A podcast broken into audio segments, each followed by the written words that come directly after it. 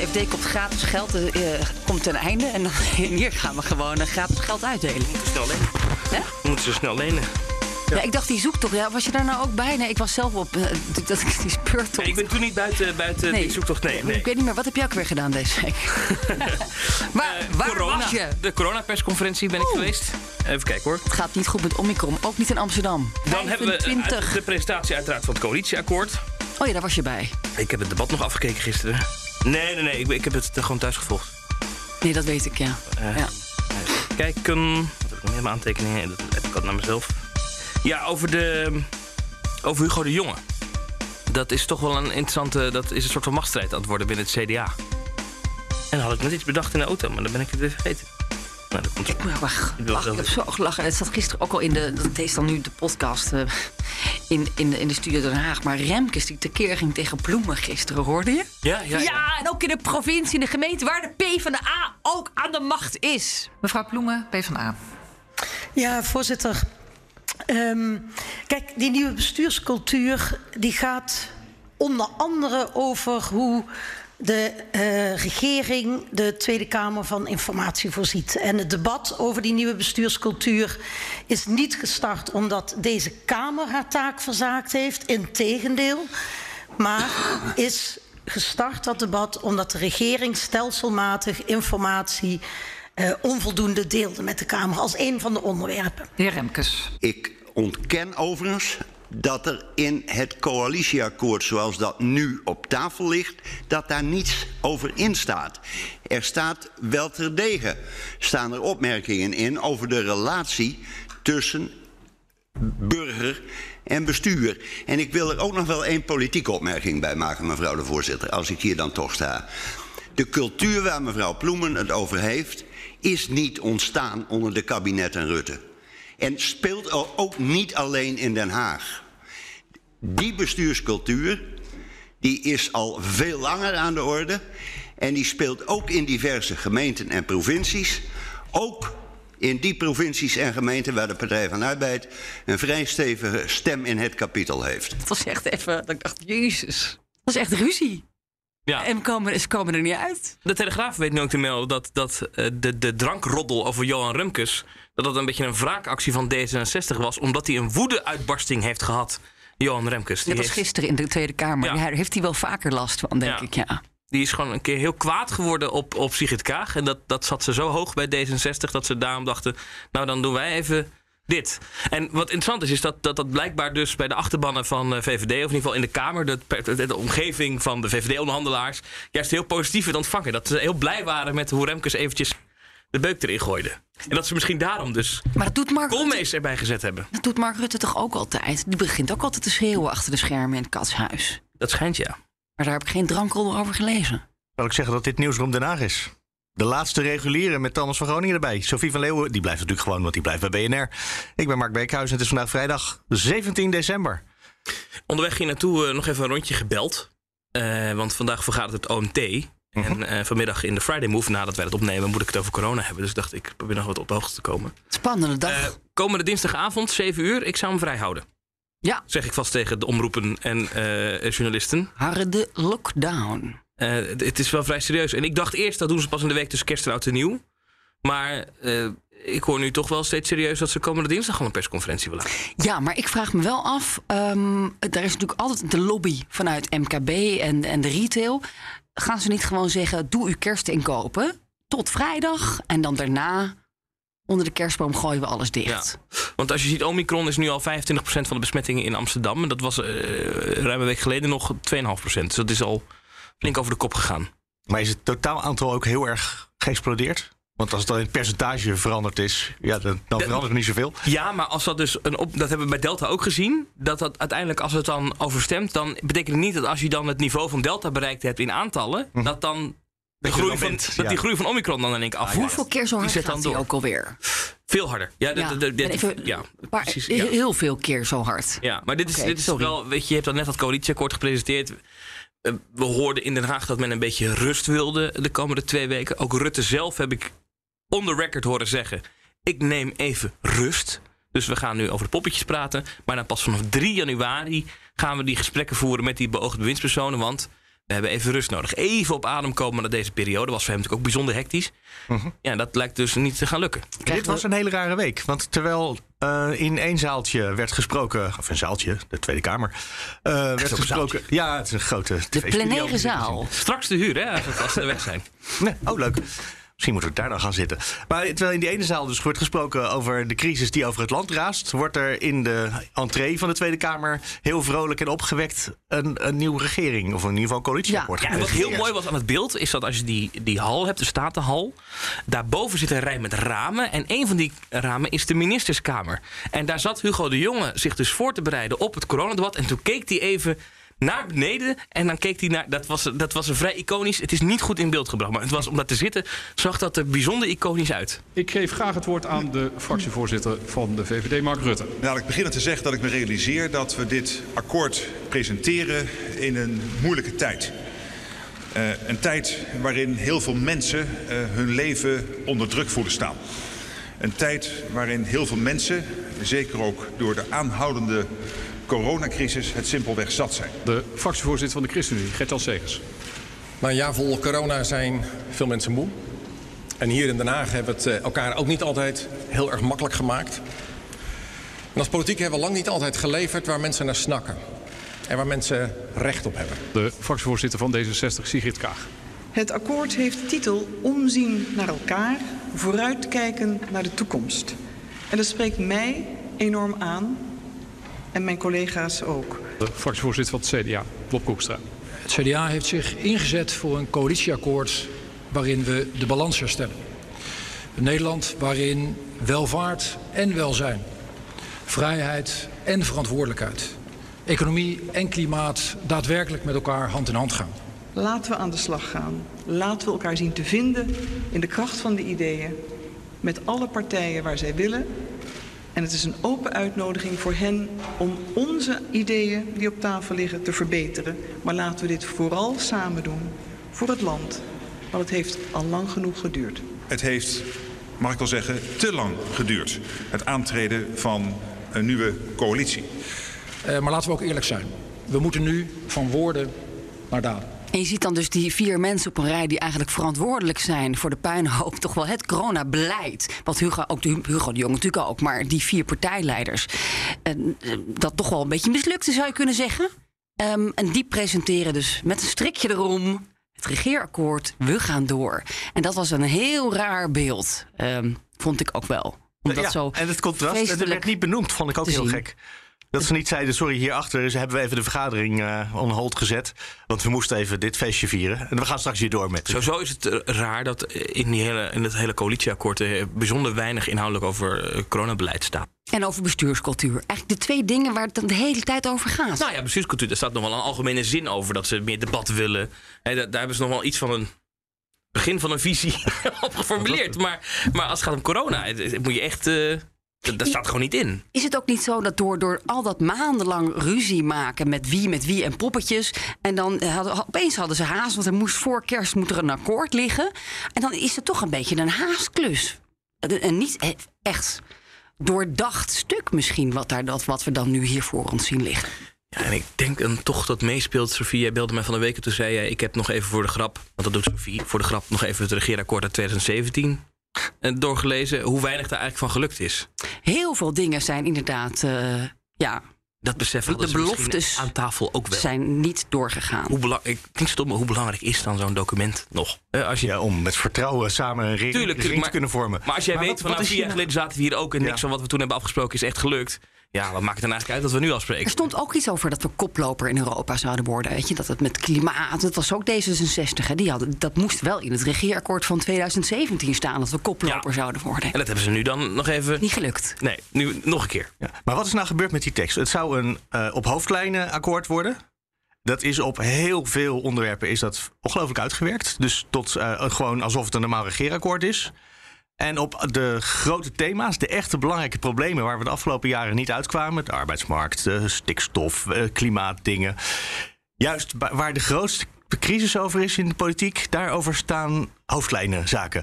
Is het nou gewoon dat ze bedacht hebben, weet je, het is kerstmis, we hebben onze deadline, we zijn klaar met schrijven, want we moeten klaar zijn met schrijven? Of is dit toch het begin van die nieuwe bestuurscultuur... dat er bij de belangrijkste thema's de oppositie mee mag praten. Dat is wat gisteren de boodschap Ja, was. weet ik. Snap dat ze het zo verteld hebben. Zo maar is het, eh, is het een... Wilden ze dit of lukte het niet beter? Nou, ik denk allebei. ik denk, ik denk eh, enerzijds nogmaals dat het een haastklus is, is geweest. Eh, en eh, dat hoorde je achter de schermen ook wel moeilijk, moeilijk, moeilijk. En ook, we kunnen het wel opschrijven, maar is het eigenlijk wel uitvoerbaar? En dat is waarschijnlijk niet zo. Nee. Ehm, maar, maar ik denk ook wel, het, kijk, ergens was het idee, het moest een dunne regeerakkoord worden. En dat was een experiment en de Kamer mocht meepraten. Dat, dat, natuurlijk, die gedachten die, die, die dragen ze mee. Dat gaan we wel zien begin volgend jaar met die ministersploeg. Ehm, en dat ging, daar ging het gisteren ook wel over in het, in het debat over de formatie. Hè, over bijvoorbeeld de zorgstelsel. Hoe gaan we dat dan hervormen en betaalbaar houden? Ehm, en dat willen we graag doen met Jesse Klaver van GroenLinks. Dus tuurlijk is die ambitie er wel. Maar het is, het is een beetje net niks wat hier, wat hier ligt eigenlijk. Wat ook meespeelt, en dat hoor je achter de schermen wel, is dat men toch rekening houdt met de situatie dat eh, ze echt die steun moeten zoeken in die Eerste Kamer. En eh, dat die twee partijen, Partij van de Arbeid en GroenLinks, vooral vrij hard hebben gezegd: wij willen meepraten. Je moet Ja. ze ook het gevoel geven dat ze ook wel iets hebben om over mee te praten. Maar had jij gisteren, toen je het debat zag, het gevoel dat de regering al door had hoe je dat dan doet? De oppositie laten meepraten. Want ze, er waren twee soorten vragen. De ene waren, eh, u heeft een detail opgeschreven, daar wil ik iets over weten. Sorry, dat is een detail, daar kan ik niks over zeggen. Het andere was, u heeft iets heel vaags opgeschreven, want dat is op hoofdlijnen. Ja, dat klopt. Daar komt een andere minister over een half jaar voorbij u. Ja. Ja, en, de- en het vraag was dat was niet echt van, een gesprek met de oppositie daarmee. Kunnen we het nu regelen? Nee, we gaan het niet nu regelen. Maar eh, dan ging het over de voorjaarsnota. Ja. Dat is 1 juni. Dus dan hebben we nog een, hè, schuiven het weer een half jaar op. En dan, eh, en dan mogen ze wel meepraten. Is het idee. Ja, Maar inderdaad, het, het- veel vragen werden dan wel ontweken. Inderdaad. En dan, leek, dan had je toch het gevoel van: ja, oké, dan heb je als oppositie dus niks niet, in, dacht de, ik in, steeds. in, in de melk te brokkelen. Maar ook, jullie hebben er nog niet echt goed over nagedacht. Nee. Dat straalde ze ook wel Maar uit. aan de andere kant, dat is. Het klinkt stom, maar zo'n debat als gisteren. ehm, ehm, en dat zeggen de oud-gedienden ook. ik ben wat dat betreft een nieuw gediende natuurlijk. Maar dat, dat het ook wel een beetje. Je moet zo'n debat voeren als gisteren. Je moet, Ja, ik snap echt- dat- je moet een punt vinden als oppositie waar je helemaal tekeer over gaat. Dus voor rechts is dat dan migratie. Voor links is, is dat nu de bezuiniging op de zorg.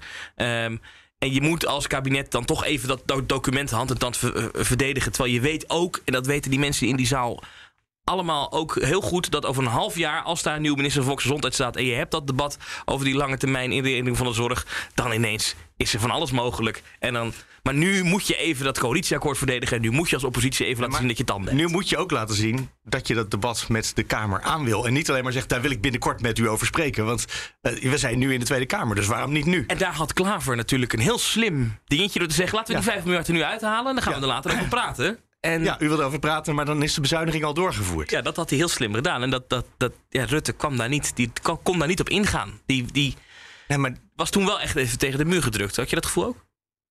Ja, nou, ik, ik, dat, dat, gevoel had ik niet heel erg dat hij tegen de muur stond. Maar ik vond wel. de- het dat- zag er niet gezellig uit. Het, het was gewoon best wel lelijk hoe hij daar stond. En ook hoe dat hij dan zelf met die motie komt van... eh, ik, Mark Rutte van de VVD, draag mezelf aan als... Is hè, niet normaal? Ik, dacht als dat dat formateur. was. Ja, dat is ook wel zo. Maar in de context van alles wat er is gebeurd... is dat natuurlijk heel raar. Had Kaag dat moeten doen? Ja, maar die wilde dat, die, die, die wil dat natuurlijk niet. En, en Wopke Hoekstra ook niet. En Segers en niemand wil dat doen. Dus ik vond het gewoon een, best wel een pijnlijke vertoning. En we krijgen ook later vandaag, eh, dus vrijdagmiddag, nog een persconferentie. De eerste van formateur Rutte van het kabinet Rutte 4. Ja, en daar kleeft natuurlijk iets aan. Het is, het is een moedje wat we hier nu zien. Ja. Toch? Niemand doet dit vol vreugde. En dat weet Mark Rutte zelf ook wel, denk ik. Jij zei net die bezuiniging op de zorg. Kunnen wij daar het antwoord op geven? Op er überhaupt bezuiniging is op de zorg? Want ik snapte dat echt niet in het debat. Eh, de Tweede Kamer in de oppositie zegt iedereen: er wordt bezuinigd op de zorg. De regering zegt niet dus. En De- dat het een van de twee kan maar waar zijn, denk ik deze altijd. kabinetsperiode wordt er niet bezuinigd op die zorgkosten. Die gaan stijgen. Maar eh, alle rapporten, eh, ook de Wetenschappelijke Raad voor het Regeringsbeleid onder andere... die zeggen als je zo doorgaat, dan... dan dan de hele begroting, of, de, of een derde, gaat straks naar, naar, naar zorgkosten. En dat is absoluut onhoudbaar. En want ook heb je geen geld meer voor andere dingen in de samenleving. Dus dat moet anders ingedeeld worden. En dan hebben we het over 2050 of zo, tegen die tijd. Moet dus de stijging van de, de, de gigantische stijging van die, van die kosten moet afgeremd worden. Bijvoorbeeld met digitalisering, medicijnen, afspraken maken over minder dure medicijnen, ziekenhuizen die zich gaan specialiseren in de, bepaalde soorten van kanker. Ja. Er zijn allemaal ideeën voor. Overigens is- Topsalarissen aanpakken in de zorg. uiteindelijk, eh, onder de is- streep, had de oppositie ongelijk. Er wordt de komende jaren in het, wat er, de plannen die er nu staan... niet bezuinigd of wel bezuinigd op eh, de zorg. De komende paar jaar gaat de, het budget volksgezond- volksgezondheid omhoog. Ja, maar maar, maar, kijk, dat, dat tijdspad is, dat houdt ergens op bij 2026, 27. Wat er tussen dan en 2052 of zo gebeurt, ehm, dat kunnen we niet goed zien. Maar dan, dat gaat, die 5 miljard gaat niet pas dan eraf. Dus dat is geleidelijk, zal je zien dat er dus minder meer komt. Dus SEC kan je niet zeggen, er wordt bezuinigd. Want er gaat, er gaat, Maar, als jij zegt minder meer, dan is dat ten opzichte van een verwachting die er al Juist. is. En dat heet het basispad. En eh, in al die eh, bespiegelingen die we hier altijd over ons uitgestort krijgen. En elke keer als je er 1 of 2 procent bij gaat, of er gaat iets vanaf, is dat altijd ten opzichte van het basispad. Juist. Dus, dat is, dus de oppositie eh, benoemde het nu op de manier zoals de regering het normaal doet. En de regering dacht deze keer, of de aankomende coalitie moet ik eigenlijk zeggen, bedacht deze keer het is nu even handiger om het in absolute getallen te doen, want dan ziet het er beter uit. En deze truc is al wel vaker gedaan. Eh, maar begint wel te snappen nu. Maar wat. wat je, je kan het dan misschien geen bezuiniging noemen, want dat is dan een frame. Maar mensen gaan dit waarschijnlijk wel ervaren als bezuiniging. Want als jij nu een ziekenhuis op de hoek van de straat hebt. waar je een bepaalde behandeling eh, kan, eh, kan krijgen. En straks niet meer. En straks niet meer, want men heeft bedacht het is efficiënter. eh, en dus goedkoper om dat alleen nog maar in Amsterdam te doen. Maar je woont zoals ik in Tilburg. En dan moet je, zoals ik vanmorgen heb ervaren, twee uur in de auto zitten om in Amsterdam te komen. Want er staan veel files. Dan heb je dus toch te maken met een gevoel van. Ze hebben me iets afgepakt. En als je als medisch specialist hè, of als eh, arts eh, of, als bestuurder in de zorg, eh, als jij bijvoorbeeld in loondienst moet gaan, eh, ja, dan ga je die bezuiniging natuurlijk ook merken. Juist, ja. Hè, dan worden die topsalarissen die worden natuurlijk eh, aan banden gelegd. Dus eh, er zal wel uiteindelijk dan, maar daar, die onderhandelingen, die, die komt dan nog ook wel met die oppositie. Van wat gaan we nou precies dan in de marge dan doen op de langere termijn? Ja, daar kun je natuurlijk alle kanten mee uit. Kijk, maar stijgende zorgkosten zijn onvermijdelijk. En dat een kabinet zegt, we moeten kijken hoe we in de toekomst eh, die zorgkosten in de hand houden, is ook niet zo gek. Dat is niet, geen gekke uitspraak van die coalitie. Alleen eh, de vraag is, moet dat dan wat verder gaan dan misschien alleen maar wat van die efficiëntieoplossingen als nou ja, een bepaald medicijn inkopen, dat soort zaken? Of moet je kijken naar het hele stelsel? Moet dat niet helemaal anders? Ja, en hoe, hoe moeten ziekenhuizen met elkaar concurreren of niet? Of moet je juist meer, wat Hugo de Jonge eerder al riep, meer cen- centraal, regie, et cetera?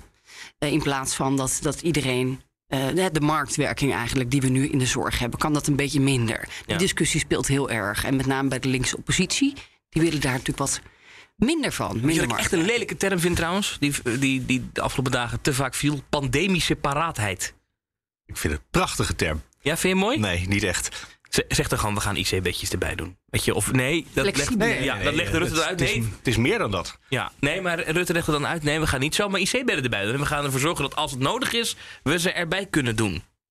Dat is dan de Ja, pandemische paraatheid. een plan om je voor te bereiden voor een volgende, op een volgende pandemie. Ja. Ja, Nou, ik denk dat dat, dat, dat, dat, dat voor veel mensen wellicht voelt als iets urgenters dan, dan alleen maar zo'n zinnetje in een coalitieakkoord wat nog uitgewerkt moet worden. Misschien dat daar nou net wat meer body aan gegeven kunnen worden.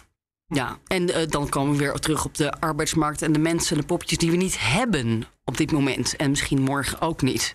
Ja. Om de pandemische paraatheid ook uit te voeren. En daarbij vroeg ik dus aan Sigrid Kaag van D66, vroeg ik, goh, arbeidsmigratie is een oplossing voor de handjes. Kan het voorkomen dat er straks iemand aan mijn ziekenhuisbed staat die geen Nederlands spreekt? Daar wilde zij geen antwoord op geven. Toen heb ik het ook geprobeerd bij Gert-Jan Segers, wilde daar ook geen antwoord op geven. Toen heb ik het ook gevraagd bij Mark Rutte, wilde daar ook geen antwoord op geven. Want dit is natuurlijk het punt. Als je zegt arbeidsmigratie is een oplossing voor de grote tekorten die in de zorg alleen maar nijpender zullen worden, dan kom je uiteindelijk uit bij verpleegkundigen uit India. Eh, dat wat, wat in, in het Verenigd Koninkrijk eh, vaker al voorkomt. Nee, Maar- en ook in ja ze spreken wel Zuid-Duitsland, Engels, maar waarschijnlijk geen Spanje, Nederlands. of uit Italië. Ja, maar dat is in de Nederlandse zorg een groot taboe. Ja. Eh, dit, want dit had- konden ze vorig jaar toen het, bij die golf eh, hebben, hebben de IC-bazen dit ook geprobeerd in Nederland. Van kunnen we dan misschien wat mensen uit het buitenland halen? Ja, dat lag heel gevoelig. En uiteindelijk hebben, heeft VWS dat vrij hard afgewezen. Gaan we niet doen. Ja, nu is dat misschien, als je kijkt naar hoe dat de komende jaren moet met de zorg, wel een oplossing. Bovendien de boomers, hè, als we het hebben over vergrijzing... dat is natuurlijk de hele oorzaak van dit probleem. Die spreken toch allemaal Engels. Dus dat lost zichzelf op. Over Engels gesproken. Dit was mijn punt waarmee ik wilde beginnen. Volgt Mark Rutte een cursus Engels of zo? Want het valt mij op dat hij steeds vaker eh, Engelse spreekwoorden... de proofs in the pudding, in hindsight... Ja. Had nog een paar van die teksten gisteren. Zou ik hij dacht, zich toch voorbereiden om zo over... als hij dan langzittend is, volgend jaar het stokje over te dragen aan Hermans... en dan zelf lekker eh, in, in Brussel te gaan werken? Ja, maar de man grossiert ineens ja, in, in, in Engelse eh hij, termen. zoekt, hij, wil- hij zoekt een internationale baan. Ja, dat, ja, maar zou het? Want hij heeft natuurlijk een beetje, is een beetje uitgelachen om, het, eh, om zijn, zijn taal in... Zijn eh, uitspraak, ja. Zijn uitspraak. Ja. Stone Cold English. In the south of eh, my country. Maar het is natuurlijk wel zo, hè? Dat, die vraag had ik ook wel toen ik hem daar zo zag staan met die strik onder de kerstboom. Ik Denk, ja, hè, die man is toch beschadigd. Eh, ook in dat debat eh, donderdag over de formatie. Zou, dit moet toch haast wel zijn laatste kabinet Rutte zijn, Rutte 4. Dat kan bijna niet anders. vanaf hij moet toch gaan nadenken het over Kamp die, carrièreplanning. die, die zei, eh, hij kan nog een paar kabinetten mee? Ja, kan nog acht, Die zei dat. Ja, ja. Het hangt ook vanaf hoe snel dus een kabinet valt. Ik bedoel, als ze de rit uitzitten, is de kans groter dat dit de laatste was dan wanneer ze over een half jaar toch uit elkaar donderen. En hoe we uit deze pandemie, pandemische praatheid komen. En hoe Sophie Hermans zich de komende, de komende jaar ontwikkelt als fractievoorzitter in de Kamer. Als zij het wordt, ga ik wel even vanuit. Ja, ze is er nog niet, vind ik. Moet nog wel een beetje, kan nog wel een tandje bij. Ja. Wat VVD-talent, maar ik weet niet. Ik zag, haar, ik zag haar deze week ook in gesprek met, hè, met Jet bij Nieuwsuur. En toen dacht ik, ja, weet je, oké, als dit de opvolger is van Rutte, moet toch wel wat leren. Rutte was er wel aan het verkopen. Hè? Ik, ik heb best wel even langs gaan luisteren nog bij dat momentje na de presentatie van het coalitieakkoord. Dan gingen al die partijleiders werden in een soort van hok gezet. Letterlijk hok, dus dat is een, of een vak met met een touwtje eromheen. En dan konden de pers konden vragen stellen. Nou, wij hebben dan op, op BNR hebben ze alle vier even live gesproken. En ik ben allemaal nog even blijven luisteren naar wat, wat doen de krantenjournalisten, wat vragen ze. En toen vroeg iemand naar Sophie Hermans. Nou, toen kwam er toch een, een, een soort van reclame eh, van, een- van een autoverkoper van, van Rutte. ja, er zelf kwam trouwens het- ook ja. ja, ik heb, ja, zo echt zo. Nee, maar ze heeft het geweldig gedaan, hè, de onderhandelingen. Eigenlijk heeft zij namens de VVD altijd deze hele onderhandeling gedaan. Want ja, ik had eigenlijk helemaal geen tijd. Ik was natuurlijk bezig met corona. En dingen, ik was er wel bij. Maar ja, Sophie Hermans, die heeft dit allemaal voor ons geregeld. Die heeft dit allemaal voor ons binnengehaald. En toch verwacht ik eerder dat een Jezielgus of zo de opvolger van Rutte is dan zij. Misschien dat zij achter de schermen heel goed onderhandelt, maar Ja. ja, de, de flair mist nog een beetje. Zij is vanmiddag ook bij dat gesprek. Hè, met, eh, Rutte gaat dus praten met Kaag, Segers en Hoefstra. Dan zou je denken, Rutte zit daar dan als, als VVD-leider. Nee, Rutte zit daar natuurlijk als formateur. Dus namens de VVD zit dan Hermans daar. daar, ja. Om te vertellen wie, eh, wie de, de VVD voordraagt voor bepaalde ministersposten. Zou ze dan ook nog zeggen, voor het premierschap dragen wij voor de heer Rutte. Nee, dat hoeft niet. Dat, dat is- Ja, ik denk dat dat formeel nog voorgesteld wordt ook. Ja, ja, dat Ja, al zo. die dingen die overbodig lijken, die doen ze. Want net zo goed als die motie waar je het net over had, dat Mark Rutte dan... Iedereen weet dat hij de formateur gaat worden. Ja. Maar er moet dan toch nog even op papier en er moet over gestemd worden en wordt aangenomen. We gaan even naar de reclame, want eh, ja, we zijn halverwege en dan moet altijd even op de radio. In de podcast kan je gewoon lekker doorluisteren, dus abonneer je zeker op Nieuwsroom eh, via je podcast-app. En ehm, dan gaan we zo verder met Thomas van Groningen, Sofie van Leeuwen. Ik ben Mark Beekhuis. Het tweede deel van Nieuwsroom Den Haag hier op deze vrijdag, de 17e december nemen we het op. In de studio in Amsterdam vandaag een keertje. Sofie van Leeuwen, Thomas van Groningen. En ik ben Mark Beekhuis. Claimen ze veiligheid en justitie nou, Sophie? De VVD bedoel je? Ja? Nou ja, er is ook nog wel steeds het gerucht dat het na- toch weer naar het CDA zou Ja, gaan. precies, hè? voor Dat- Hoekstra. dat Hoekstra daarvoor in aanmerking zou komen. Ehm, maar ehm, ja, VVD, ik heb daar ook wel andere namen gehoord die daarheen zouden kunnen. En we hebben nog eh, de familie Heersballin natuurlijk. Dat is bij het CDA. Ja. Ja, van, van CDA. Eh, dat is een jurist die Eh. daarvoor in aanmerking zou kunnen komen. De dochter van. Dus ehm, ik, ik, ik Ja, Marianne Heersballen is dat, ja. Die heeft bij Pels Rijken gewerkt. Ehm, ja, dan weet je wel een beetje... Dan heb je bij de landsadvocaat. Landsadvocaat, ja zeker. Eh, Maar ik, dat die lijkt zeer mij eerder als, dus- als outsider lijkt me dat eerder een, een staatssecretaris. Maar ehm, Ja, en we, we horen wel... dus- Trouw noemde die naam als eerste. En, en daar, daar werd niet onwelgevallig op gereageerd in Den Haag. Ja, en het is ook weer een, een voor, voor Wopke Hoekstra weer eigenlijk eh, een omarming van hè, die wat linksere, socialere tak van het CDA. Dat is een beweging naar, hè, naar het midden of naar, naar links.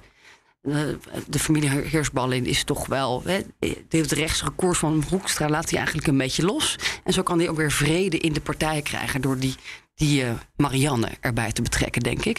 VVD wordt wel meer genoemd voor de buitenlandse zakenpost. Dat hoor je veel. Dus die gaat dan niet naar Kaag.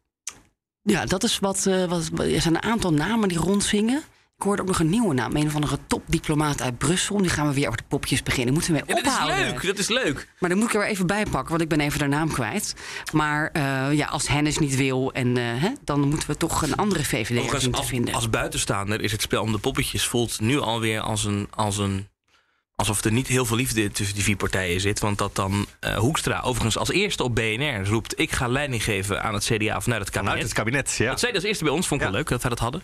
Ehm, En dat kan die ook zeggen, want het is elke partij gaat over zijn eigen ministerafvaardiging. Uiteraard, maar ik kan me zo Als voorstellen... die anderen er niet hele grote bezwaren tegen hebben, dan gaat het altijd door. Maar dat Kaag dan dat op die dag nog niet durft te zeggen, dat is toch gek. Je zou denken, spreek met z'n vieren af. We maken allemaal bekend dat we doen. Eh, of Dus zij wilde het gewoon nog niet zeggen. Ik gok dat Kaag toch in de Kamer gaat zitten. Bij bij deze flesje wijn. dat is gewoon gok. Nou ja, omdat ik denk, het is gewoon... Als jij zegt nieuw leiderschap... en dan ga je weer in dat kabinet naast Rutte staan... op al die foto's. Dus ja, ik denk dat dat toch slimmer is. Ook hè, als het gaat om dualisme. Als je je eigen belofte wil waarmaken... dat werd er gisteren ook enorm verweten in het debat. Van, hé, u, u zadelt ons op met, met, met Rutte... terwijl u nieuw leiderschap beloofde. Dan kun je toch niet anders dan in de Kamer gaan zitten, eigenlijk. Maar goed. Ehm, Dus je wijn staat daarop. eh, en voor de VVD Buitenlandse Zaken, ja, Delphine Pronk is de naam die ik hoor. Onthoud die even. Ken ik niet. Ja. Nou, die is vast heel goed. Dat is vast, Die is vast heel goed, iemand ja. zei, ja. En, en Rutte gaat dan pas vanaf 3 januari, begrijpen we, gesprekken voeren met die mensen. En ze moeten dus nog wel even door de, door de AIVD-molen heen. Ja. En dat is, ligt nu, nou wat ik begrijp, eh, doen ze dat nu wat strikter en wat strenger dan vier jaar geleden. Omdat men dus echt wil voorkomen dat er weer zo'n verhaal naar buiten komt als over Hoekstra en zijn pensioen. Eh, en zijn eh, beleggingjes in, eh, wat was het ook weer? Wat had, hij nou ook weer in belegd? De Maagden. Oh, ergens op Maagdeilanden, ja. Ja, het was een safari resort in Afrika was dat toch? Ja. Via de Ja, en nog een paar andere zaken. Ja, ja. dat wil men echt voorkomen. Dus ze gaan daar wat, wat begrijp ik, stikter op zitten. En de Kamer wil daar ook meer informatie over. Ik hoor trouwens dat bij INW, dus het, het, het voormalige ministerie van Cora van Nieuwenhuizen. Ook een belangrijk ministerie als het gaat om Schiphol in de toekomst. Dat daar ook weer een VVD'er zou komen. Dat is dan de voorzitter van de WAL, Christiane. Ja. Hoor ik. Ook binnen het ministerie eh, gaat die naam Ja, rond. dat is een, eh, bijna een Je moet- zekerheidje inmiddels. Want, Schiphol natuurlijk wel, hè. Als VVD moet je wel zorgen dat dat goed komt met die hub. want zij als partijvoorzitter zich ook niet bemoeid met de poppetjes die de partij gaat voordragen, toch? Nee, dat is ook bevestigd aan Ja, ons. nou, dan Dus- weet je het bijna zeker, toch? ja, maar dan waar. Maar Oh, dan in denk ik ze- infrastructuur. In ieder geval dat ze op de lijst staat. Ja, ja, ja, ja. En dus Ernst Kuipers, daarvan heb ik eerder gezegd, volgens mij in deze podcast of een keer op, bij, in de middag, van, nou, ik had haast niet geloven. Ehm, toen had NRC opgeschreven dat heel veel D66'ers rekening houden met Ernst Kuipers op volksgezondheid. Toen dacht ik al, hm, dat konden wij nergens checken. Maar ja, toen zei Diederik Gommers van de week, en ik kan me niet helemaal in, de indruk krijgen of hij zich nou versprak of dat hij of dat dit bewust was. Diederik Gommers, op de dag van de presentatie van het coalitieakkoord, zit hij op Radio 1 en zegt hij dat er wordt hem gevraagd: heeft u al gesolliciteerd? Dat was een slimme vraag van eh, Sven Kokkelman. Gesolliciteerd op de functie van zijn baas, namelijk Ernst Kuipers. En toen zei hij nee, maar toen bevestigde hij wel: ja, maar Ernst Kuipers is wel gevraagd. Dus op de dag van. En dat kan je overigens ook verkeerd uitpakken, hè? Want dat, die was toch ze in Den van de PvdA? Of ben ik in de war? Nee, dat is dus... D66er. Ja, D66er. ik heb dat Ah, nog oké. gecheckt. Maar eh, ja, hij heeft ook eh, wel eerder op congres van D66 wel eens gesproken. En hij schijnt geen lid te zijn, Maar dat hoeft ook niet. zegt D66, maar dat hoeft niet. Kaag was blijkbaar ook niet heel erg actief met de partij. En is toch, weet je, eh, Ja, minister wel. geworden. Ja, maar voor die tijd. Maar het wordt niet ontkend. Maar wordt dat niet. Ik kan me voorstellen dat dat misschien heel veel hoongelach krijgt. Dat je zo'n zo'n talkshowgast. Nee, luister eens even. Eh, Toen aan het begin van de pandemie, toen eh, heb ik ooit een eh, interview gehad met Martin van Rijn, die, die van de PvdA. Die Ja. was toen ingevlogen toen Bruno Bruins om was gevallen, weet je nog, in Ja, het ja. debat.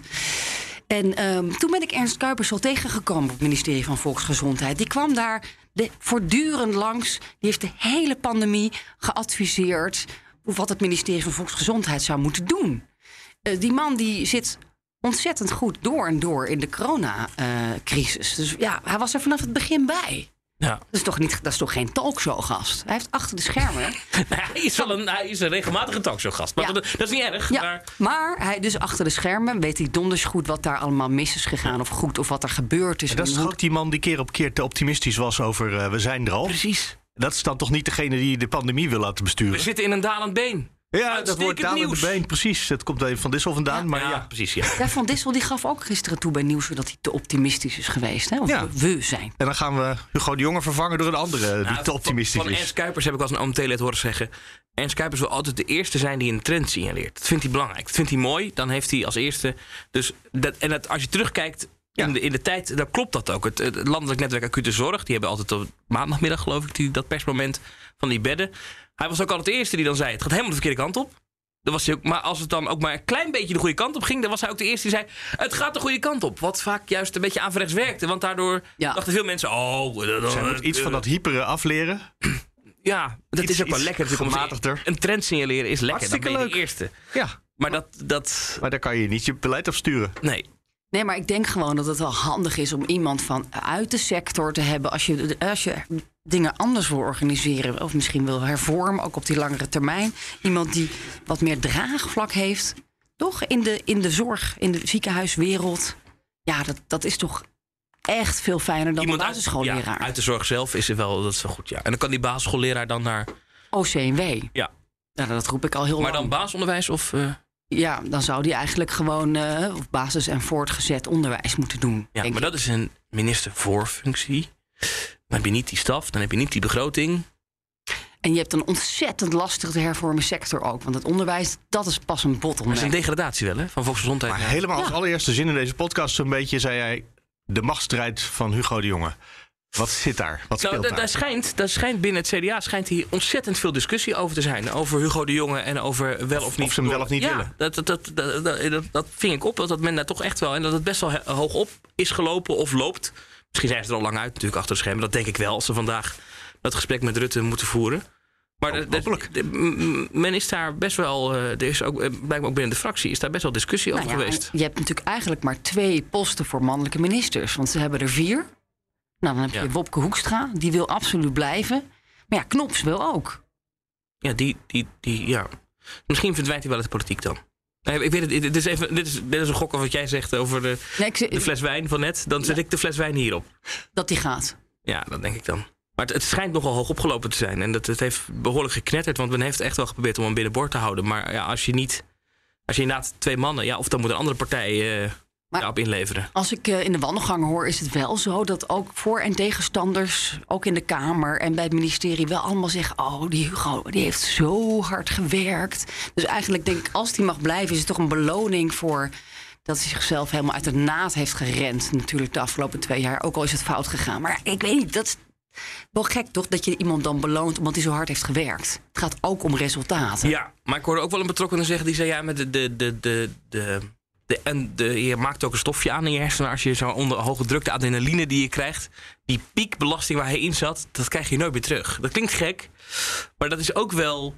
Hij heeft daar ook wel in die zin ook misschien wel genoten. Eh, dat zegt hij ook, hè? Ik had het niet willen missen.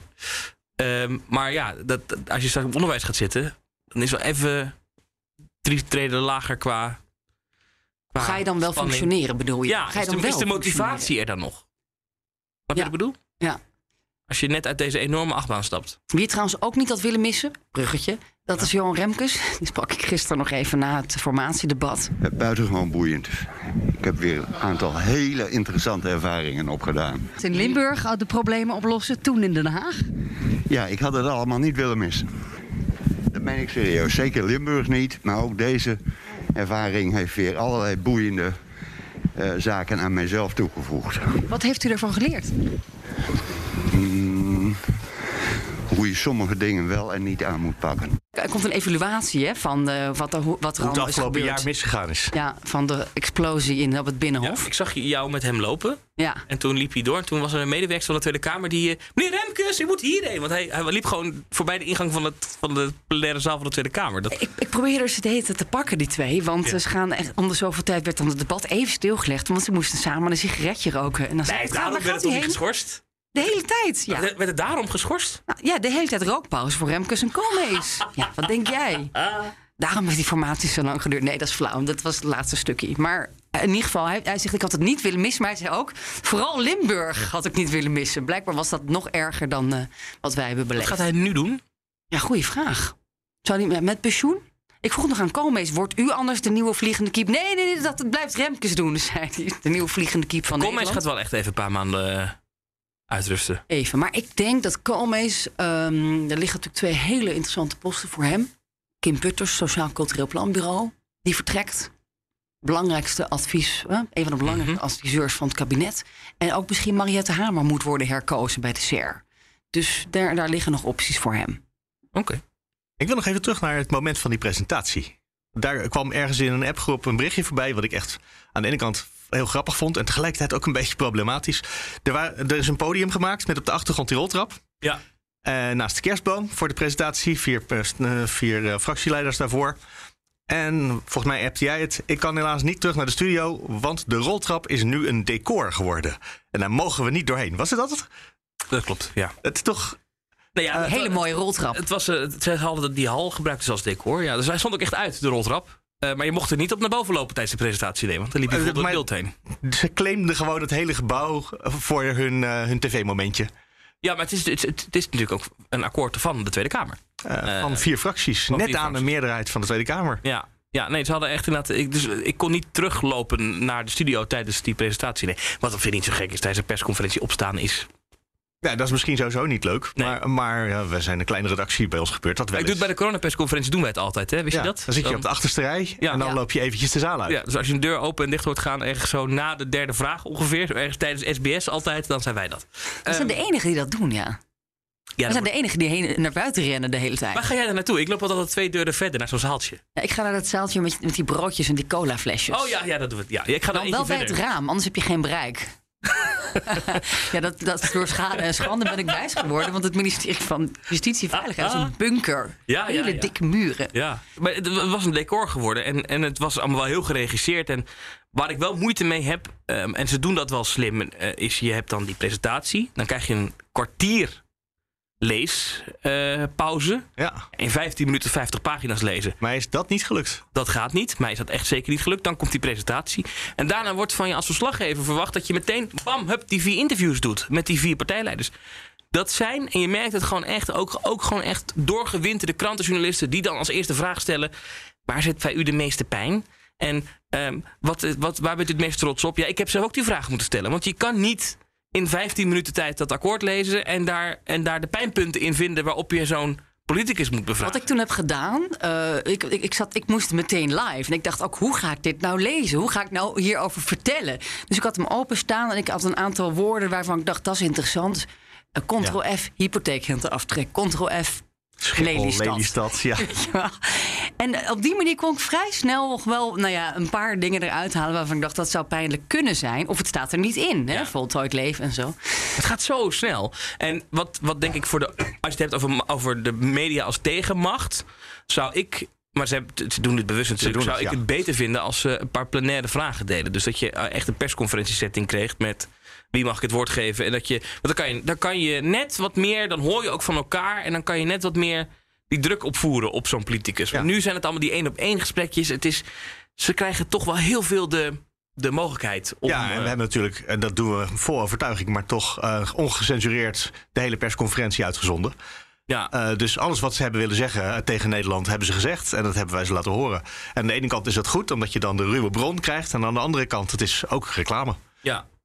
Zonder- Zonder dat ze daarvoor betaald hebben. En, en er was natuurlijk een heel hele PR-tour opgezet. Hè. Rutte zat bij één Vandaag, Kaag zat bij M. Nou, die vier partijleiders s'avonds eh bij Sven Kokkelman. Daar was helemaal over nagedacht. eh, vo- vooraf, over hoe ze dat eh, dan gingen presenteren. Niet te trots, hè, want dat, dat zat er ook een paar keer in. Het Niet ging om vertrouwen. Ze niet moesten Deze waren vertrouwen. allemaal tevreden nederig. met iets, maar... eh, nee, precies. En dat verschil tussen de nederigheid in die persconferentie... en het gebrek aan nederigheid in het debat een dag later. Dat is hem voor jou. Dat, daar zit het. Ja, dat is dat dan de, als dan de oppositie zegt: wij hebben een probleem met die 5 miljard zorg. Ja, nee, maar daar gaan we gewoon niks aan veranderen. We komen nog een keertje in het nieuwjaar. Andere minister, moet je het niet bij mij zijn. Ja. Ja, maar ze zullen wel moeten, want er is gewoon geen meerderheid in de Eerste Kamer. Dus er, moet, er moeten eh Maar dan deals moet, de komen en oppositie, cadeautjes. dan moet de oppositie in de Eerste Kamer wel echt één front vormen, steeds. Anders dan laten ze zich daar tegen elkaar uitspelen. Daar is, Ja. daar is Rutte heel behendig in. Of misschien is dat eigenlijk mevrouw Hermans die dat in de praktijk regelt, weet ik niet. Maar Ja, en er zijn, daar hebben we het eerder over gehad, er zijn drie routes. Hè? Ja, ja, precies. Het kan 21, via rechts en via links. En conservatief, otterpaadje, SGP, et cetera. Ja, en over links. Ik hoorde van de week, dat vond ik de mooiste quote over dit coalitieakkoord. Hij viel wel al ervoor. Ehm, namelijk van Renske Leijten, die kwam ik tegen in de lift. En toen vroeg ik, eh, heeft u er zin in, hè, in het eh, coalitieakkoord? Een beetje pestplagerig. En toen zei ze, het is niet anders. En toen vond ik, eh, maar dat was een briljante quote in die zin, want ze bedoelde daarmee, het is niet anders. Dus het is, eh, het is eh, oude wijn, nieuwe zakken. Maar ook, we moeten het er wel het is niet anders. Ja. Dat is een hele mooie dubbele laag. Prachtige, prachtige Ik woordspeling. weet niet of ze hem zo bedoelde, maar zo leg ik hem wel uit. Ja. Wil jij over de speurtocht vertellen, Sophie? Jij hebt een hele speurtocht gehouden nog van de week. Dat, dat was een beetje bizar. Eh, Was dat nou dinsdag of zo? Dat we dus eh, achter al die partijen moest ik aanrennen. want- Dinsdagochtend, ja. ja. Oh ja, dinsdagochtend. En al die eh, fracties aan het eh, vergaderen waren of ze het ermee eens waren. Ja, en het was op een geheime locatie. Nou, dus was dat spelletje was dus van waar zitten ze dan? Want dan kun je dan daar gaan staan en dan kan je nog een quote halen naar afloop. En dat wilden ze niet zeggen. Dus ik dacht, ik, be- eh, op, op, ja, ik begin maar zo met de auto te parkeren onder het Heb je een parkeergarage, een eh, echt beveiligde voor de Tweede Kamer op min 2. Eh, voor iedereen die een pas heeft. En die stond ontzettend vol. Met allemaal dikke auto's, maar dan wel echt de auto's van het eh, genre Saab en Volvo. en weet je, van die, een beetje Dus van die... D66 zat in de buurt. Dus ik dacht, ik dacht, D66 zit hier eh, ergens om het plein. Want je hebt ook van die cafés waar ze wel eens vergaderen. Ja, Je ja. hebt Nieuwspoort. Eh, ja, het, het oude Binnenhofgebouw is dan natuurlijk officieel gesloten. Ehm, dus ik dacht, nou, of VVD of D66, mensen met geld. Toen kwam ik de directeur van Nieuwspoort tegen in de parkeergarage. Ik zeg, Erik, ehm, waar zitten ze en wie zijn dit? En hij zei tegen mij, ik weet alles. Nou, toen wist ik, ze zitten in Nieuwspoort, maar ging niet zeggen wat. Ik naar Nieuwspoort rennen, vol met kerstbomen. En toen eh, hadden ze de hele boel afgesloten en ik hoorde stemmen. En ik dacht, oké, dit is of de VVD of D66. Toen kwam de woordvoerder van de VVD langs, dan Kees. Moest even roken. Toen wist hoe laat het was. Nou, hè, wat we gaan we allemaal doen. Eerst even lezen, dan eh, eh, eh, met de specialisten, technische ronde, dan een politieke ronde. Nou, uiteindelijk begin van de avond waren ze klaar. Maar dan weet je nog niet waar de rest zit. Ehm, hoe kwam ik Je daar hebt ze wel allemaal gevonden. ik dacht dus de ChristenUnie zit in een trein. Die heb ik toch als laatste konden we die vinden. D66 vroeg ik, waar zitten jullie? Zitten jullie in Nieuwspoort? Vroeg ik, nee, zitten we niet. Nou, zitten jullie ergens in een, eh, op een plek waar ze vaker zitten daar in de buurt? Nee, ook niet. Toen kreeg ik een foto van een uitzicht over de stad Den Haag met twee kerken. En ik had echt geen idee waar dat was. Dus ik postte het op Twitter. Kreeg ik allemaal reacties van Ja, de mensen, mensen uit die Den zeiden, Haag. het kan wel Amersfoort zijn. Waar is dit? Het bleek in een congrescentrum te zijn. eh, nog wel een eentje lopen trouwens. Nou ja, eh, er in het centrum van Den Haag. Dus ik daar naartoe net op tijd om Kaag nog eventjes iets te horen zeggen over een zakje Nespresso. Of in ieder geval eh, de nieuwe bestuurscultuur. En dat iedereen zo ontzettend blij was en positief met wat hier allemaal stond. Wopke Hoekstra was als eerste klaar. Hè? Die water, zaten bij het partijbureau. Toch niet zo'n grote fractie meer, hè? Nee. Maar toch, toch een stempeltje ook Zeker. in dit verhaal. Hè? De hypotheekrenteaftrek wordt niet aangemorreld. Heeft hij toch voor elkaar gekregen. Ja. En waar zat de ChristenUnie nou uiteindelijk? Oh, dat weet ik ook niet meer. Die zaten bij eh, mevrouw Schouten op het ministerie. Op Oh ja, bij LNV. Ja. ja, ja. Ja, gewoon bij Carole Schout op kantoor. Mag dat trouwens? Ja, natuurlijk. Waarom zou dat niet mogen? Een bespreking met de collega's tussen twee andere dingen voor het ministerie door. Toch een partijaangelegenheid. Maar goed, ja, zij had 's middags, die middag had zij nog een Ja, ze debat ook Zij eh, moest er zich voorbereiden uit, ja. met ambtenaren aan de slag. Oh ja, die zat speciaal naast de Tweede Kamer. Omdat ze dus heen en weer aan het rennen was. Tussen de debatten en dat overleg. En daarom waren ze ook vrij laat klaar. Wat ik wel merkte die middag en ook de dag erna, als je nou hebt, want ik vind dat heel slechte journalistiek om te hebben over winnaars en verliezers. Maar eh, de partij waar naar mijn gevoel de meeste feeststemming heerste eh, in, in die dag en de dag erna, was bij D66. Eh, die waren eh, toch, ik, daar is ook champagne gedronken, begreep ik. Eh, en die Kamerleden zeggen ook wel, natuurlijk, dat ze benadrukken dat ze ook wel wat pijn hebben. De embryo-wet wordt dan genoemd. Medisch-ethisch vinden ze heel ingewikkeld, moeilijk. Migratie hebben ze wel moeite mee. Maar zij zeggen eigenlijk wel, voor ons had dit, dit akkoord hadden we eigenlijk niet beter kunnen doen. Maar Ja, maar daar champagne, zit- daar zit natuurlijk ook een beetje de cultuur van D66 in. Bij de ChristenUnie zullen ze vast ook heel blij zijn, maar niet per se de champagne. Ze zijn wat minder uitbundig, ja. Ja, die danken de heren. Ik had, ik had de indruk dat D66 vooral ook heel graag wilde laten zien dat ze ontzettend eh, gewonnen hadden. Eh, ook omdat een aantal dingen toch wel op lange termijn worden geschoven. Ben En ik in de spin getrapt? ik vond het wel een beetje. eh, ik, ik krijg ook appjes van, eh van Romke de Jong. Weet je, kijk eens hoe geweldig, hè? Goed, hè? Fantastisch, hè? Oh, voorlichter. Ja, eh, economische zaken, eh zeg maar steunpakketten. De ondernemer van D66. Oh, hebben ze er ook eentje? Ja. Dus wilde het zo graag komen vertellen. Hoe, eh, hoe, hoe, hoezeer zij hadden gewonnen. Nou, als je goed leest, dan zie je toch wel dat een aantal dingen dus eh, ja, ook naar een volgend kabinet worden geschoven, eigenlijk. Hè, zoals rekeningen rijden. Eh, worden een aantal problemen nog niet op korte termijn Ja, opgelost. maar zij gaan ervan uit dat Lelystad. Dat volgende kabinet gaat leiden. Ja, ja. Nee, nou, niet, maar moet nog maar zien. Hè, de Schiphol, ja, de hubfunctie moet wel behouden. Eigenlijk hebben we dat ook nog niet opgelost. nee. Ehm, arbeidsmarkt moddert ook nog een beetje door. Ja, er zit veel lucht in. Er zit veel, veel eh, lucht als in de zin... Er is nu weinig concreet, Eh, die onderwerpen. Eh, ja, ja, ja, ja. En, en, en eh, wat je ook hoort is zeg maar, de, de grote pot met miljarden... die gaan ook naar het bedrijfsleven. Hè? Dat is natuurlijk ook wel iets waar, eh, waar en CDA zich enorm wel op de borst kloppen. Van ah, die grote zak geld, waar gaat die naartoe? Jij hebt hem gelezen, Mark, het hele akkoord? Het hele akkoord? Nee, ik heb heel stevig er doorheen gebladerd. Stevig doorheen bladeren. En de pijn natuurlijk van de christenen... die nog echt wel een paar dingen eruit hebben weten te slopen. De ChristenUnie. Ja, Wat hebben die eruit gesloopt dan nog? nou ja, we gaan praten met boeren. Hoezo halvering van de veestapel? We gaan praten met boeren. Ja, maar dat is die zin... Die is, ik pak hem er even bij. Dat is toch de kern waar we het al jarenlang over hebben van het stikstofprobleem. Ja, er wordt heel veel gepraat in Nederland, maar In gebieden, waar de, in gebieden waar de opgave tot emissiereductie en natuurherstel dermate groot is dat vrijwilligheid niet langer vrijblijvendheid betekent, gaan we op het boerenerf het gesprek aan om samen te zoeken naar de mogelijkheden. Ja, Ja, dat vind ik geen eh, overwinning van D66. ja, ik had erbij getweet: de boeren krijgen politici op bezoek. Ga ik een reactie. Mogen ze wel politie meenemen? Ik denk dat ze met een hooivork weggejaagd worden. ja. Ja. So it begins. En natuurlijk staatsdwang om gratis geld woestijnbewoners verplicht te huisvesten. Nou goed, de reacties zijn natuurlijk weer standaard. Ja, en medisch ethisch natuurlijk. Ja, weet je, de ChristenUnie die hebben toch wel eh, hun zin gekregen. Ja. Gisteren hoorde ik wel een Kamerlid zeggen... ik weet zeker dat er nog wel boerenprotesten komen. We zijn nog wel even bezig. Ik, ik maak me wel zorgen of dat nou snel gaat opgelost gaat worden, dat stikstofprobleem. Er is een hele grote zak geld, maar hoe gaan we het dan oplossen? Ah, geef, oh, u heeft het probleem? Beetje geld. Heer, Oh, u krijgt een miljoen extra. U krijgt een miljoen extra als u, eh, als u nu stopt. ja, nou, die boeren ja, die gaan... eh, U heeft de loterij gewonnen. de agrarische miljonairs, die, die gaan we nog wel zien de komende jaren waarschijnlijk. Gratis geld. Ja, of wat, of, wat, wat wordt ook vaak uit dat ze transitie naar andere vorm van landbouw. Hè, dat, dat, als die boeren daar niet in mee willen, ja, wat kunnen ze dan met die, met die gronden? Krijgen we dan heel veel boerencampings in ons land of zo? Of hoe gaat dat? Hoe, hoe- wat moet je met die, hoe moet je die transitie gaan doen? Daar ben ik wel heel benieuwd Een naar. datacenter kan je erop zetten. Nou, dat is wel ook een lelijk politiek verhaal. ik heb dat niet in detail gevolgd hoor, dat, dat, dat, dat datacentrum in Zeewolde. Maar Ik ook niet, behalve dat GroenLinks en PvdA heel boos waren dat ze lokaal daarvoor hadden gestemd. En Ja. eh, dat vonden ze in Den Haag, waren ze daar niet zo happy Maar die lokale fractie van GroenLinks Partij van de Arbeid daar is bij de komende gemeenteraadsverkiezingen ook geen GroenLinks Partij van de Arbeid. Hè? Die zijn dan een, eh, een lokale partij geworden. Dus die stappen Die zijn eigenlijk ook. eigenlijk eruit. Ja, ja. Dus eh, die zijn ze eigenlijk kwijt. Ja, jammer voor ze. Ja. Datacenters, het landschap, worden wel een ding. Zoals eh Caroline van der Plas zegt, boeren zijn de groene stoffeerders van de planeet.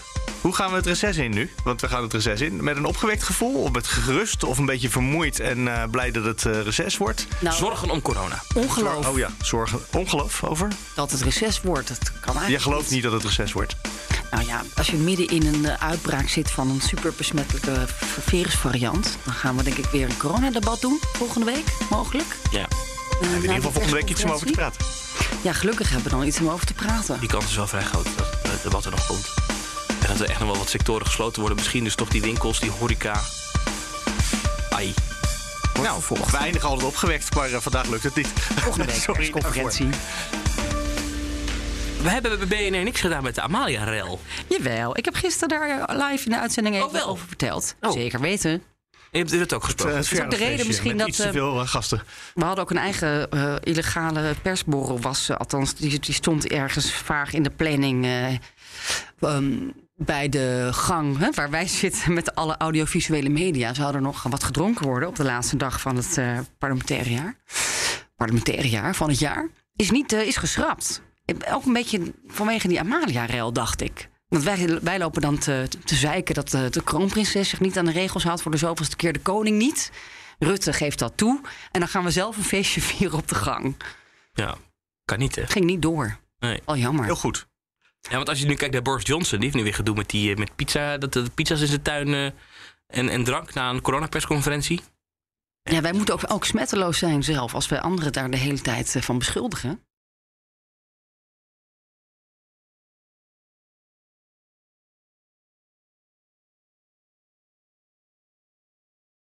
Ook Liesbeth Staats vind je in de BNR-app. Ja, heel handig. Luister live naar Kees en mij tijdens de Daily Move. Dan blijf je ook gelijk op de hoogte van breaking news en het laatste zakelijke nieuws. En daar vind je ook alle BNR-podcasts, waaronder de Perestrooikast. Download nu de gratis BNR-app en blijf scherp.